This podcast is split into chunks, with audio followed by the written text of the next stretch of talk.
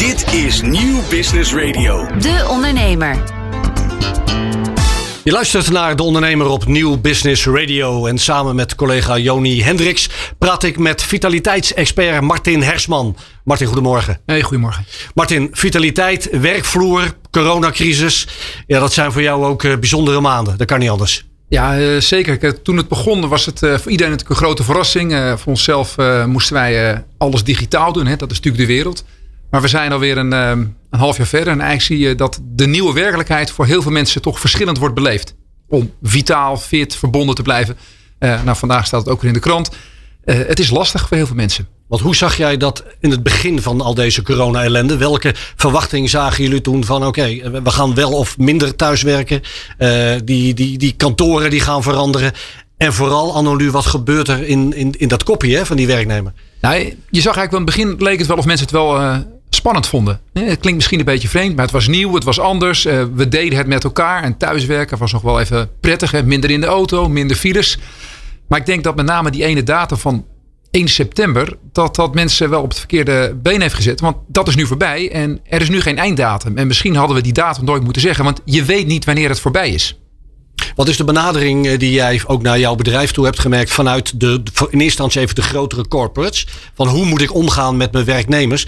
In hoeverre hield, ja, hield, zich, dat, hield zich dat eigenlijk al bezig? Nou, ik denk dat de meeste corporates uh, eerst uh, freeze waren, deden eigenlijk niks, uh, stoten alles af en gaven helemaal geen aandacht meer aan dit thema.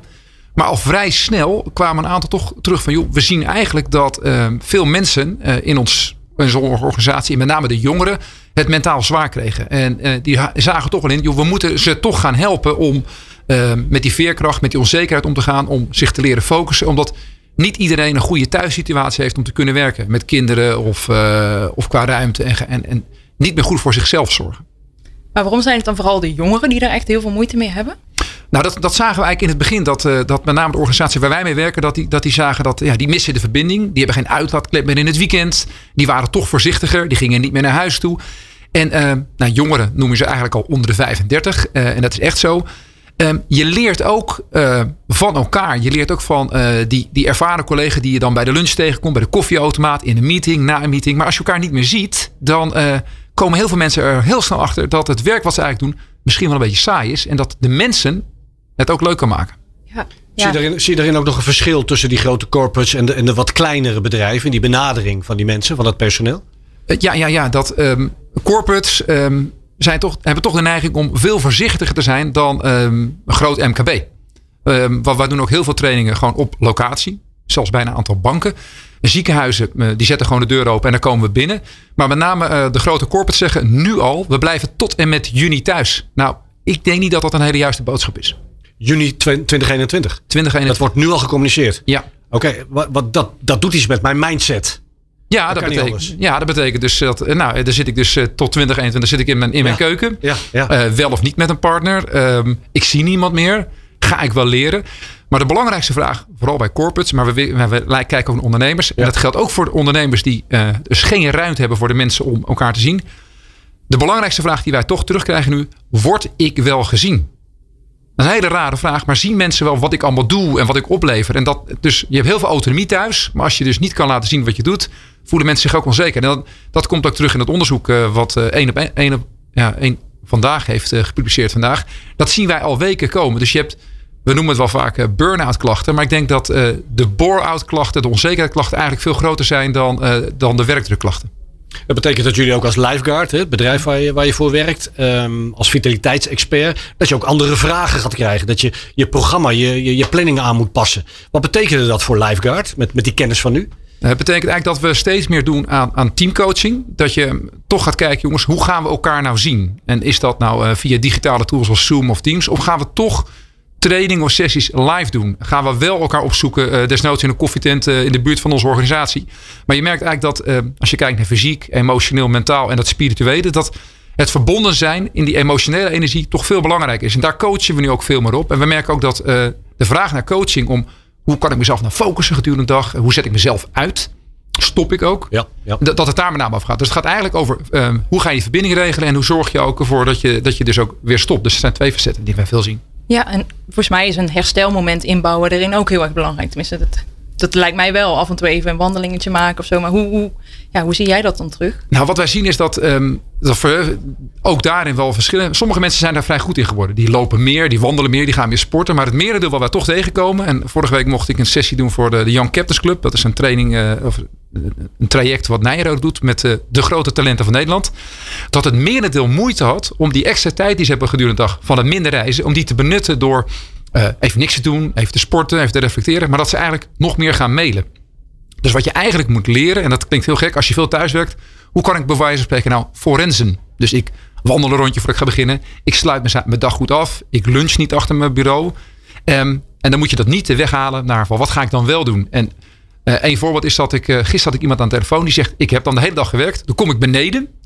En dan heb ik eigenlijk alleen de trap. Maar dan merk ik dat ik gewoon niet leuk ben. Ik ben prikkelbaar, ik ben helemaal niet gezellig. Dus ik moet, daar heb ik voor mezelf iets in te doen. Dat ik als een leuke vader of moeder weer binnenkom. En dat, dat gaat niet in, in 10 seconden afschakelen. En dat, dat missen heel veel mensen. Dus daar heb je eigenlijk mensen te begeleiden. Een voorbeelden aan te reiken. Nou, wat is nou een ritueel wat bij jou past. Waardoor je dus uh, niet alleen fysiek fit blijft, maar ook in je hoofd fit klinkt wel echt heel makkelijk eigenlijk. Ja, het klinkt heel makkelijk, maar, maar doe het maar. Ik maak echt de merendeel van de groepen die ik dan begeleid. En dan vraag ik, nou kijk nu eens op je horloge of je telefoon is in de middag. Hoeveel stap heb je nou gedaan? En als je natuurlijk een appartement hebt en je komt je slaapkamer uit. Je gaat zitten, je gaat werken, je zet koffie en je loopt terug. Dan heb je s'avonds om vijf uur misschien 500 stappen gedaan. Dus hoe, eh, hoe, integreer je nou leuk en normaal bewegen in je, in je dag? Dat vinden mensen toch wel lastig. Uh, ja, ik generaliseer een beetje. Het merendeel vindt dat gewoon heel moeilijk. En de lol is er een beetje van af, zeggen ook heel veel mensen. We hebben kennelijk behoefte aan steeds meer duidelijkheid hè, wat je, hierover. Want je zegt ook juni uh, 2021 is nog ver weg. In het voorgesprek met Patrick Wessels werd ook aangegeven. We hebben echt behoefte aan een datum en een richtlijn om ons erop te richten. Om te weten hoe de wereld er eventueel straks weer anders zou kunnen gaan uitzien. Als ondernemer, als werknemer, als personeelslid. Um, maak je je daar dan ook zorgen om? Als je een bedrijf hoort roepen, jongens, juni 2021.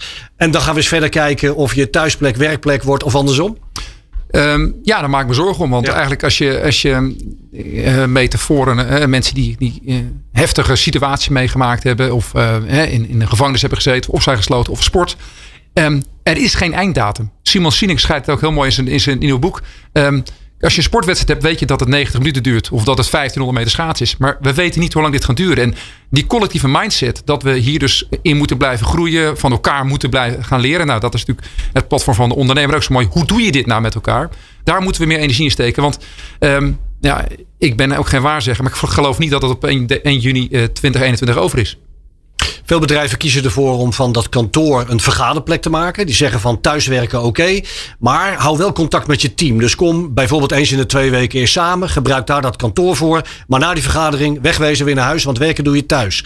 Wat vind je van zo'n aanpak, die combinatie? Nou, ik denk dat uh, heel veel mensen daar, uh, daar behoefte aan hebben. Ik denk dat, dat het goed is. Okay. En je merkt ook wel dat. Uh, nou, vorige week hadden we een diner met een aantal HR-directeuren. En ze noemen het ook wel de serendipiteit. Een geweldig woord. Maar eigenlijk je, ja, als je iemand ontmoet bij de koffieautomaat of desnoods tijdens het wandelen of richting de auto, het, daar gebeuren de meeste dingen. En dat heb je niet meer. Dus het, het, elkaar ontmoeten of een training doen of, het, of alleen maar met elkaar lunchen, dat is wel een, een collectieve vraag die heel veel hoort. We hebben dat uh, toevallig vorige week met Livecard ook gedaan op vrijdag. Ja, en, en, de energie die je dan voelt, um, die is geweldig. En, uh, maar alleen ga het niet organiseren. Uh, te van we gaan met zoveel mensen, die afstand en zoveel tijd. Maar laat het ook een beetje gebeuren. En nou, hier, hier eigenlijk waar we het eerder over hadden. Uh, als je voor de eerste groep, we hadden dat twee weken geleden, een groep eh, managers, die kwamen bij ons op kantoor. Die hadden elkaar dus vijf maanden niet gezien. Nou, het leken wel uh, stelletje ja, veulens in de wei. Weet je, hoe gaaf is het om elkaar weer te zien? Ja, maar die energie ja. straalde dus ook uit. Ja, dus um, we vinden het gewoon, wij zijn kuddedieren. Wij vinden het leuk om met elkaar op te trekken en, en elkaar te zien. Dus um, ik vind het een hele goede trend die, die nu wordt ge, gevormd om elkaar weer te zien en elkaar te spreken. En de een heeft er meer behoefte aan dan een ander. Maar onderschat het niet als manager. En als jij het als manager, je bent wat ouder, uh, je hebt het goed voor elkaar, je hebt een lekkere werkplek thuis, uh, je kinderen redden zich wel. Onderschat niet hoe het bij die mensen is. En als je ze daarop wijst, dan zeggen toch heel veel van die uh, leiders tegen mij. Ja, ik moet toch eens een keer gaan bellen hoe het nou met die en die gaat. Want als ik bel, heb ik het eigenlijk alleen maar over KPI's en of het wel of niet dat werk afkrijgen. Maar ik vraag eigenlijk te weinig, hoe red je het eigenlijk zelf? Vitaliteitsexpert Martin Hersman, dankjewel voor deze toelichting. En we gaan nog veel meer van je horen en lezen als lid van de Raad van Advies. Maar ook als een van onze presentatoren bij de nieuwe podcastserie. Ja, dat, uh, dat lijkt me fantastisch. En ik, uh, nou ja, wat ik al zei, ik wil heel graag de best uh, practices, ja, die anekdotes wil ik delen. Omdat ik geloof dat we daar, nou ja, daar hoef je zelf het wil niet uit te vinden. En dan kunnen we met elkaar deze strijd, die toch een tijdje gaat duren, beter aan. We gaan het horen op Nieuw Business Radio bij De Ondernemer. Dit is Nieuw Business Radio. De Ondernemer met Robert van den Ham.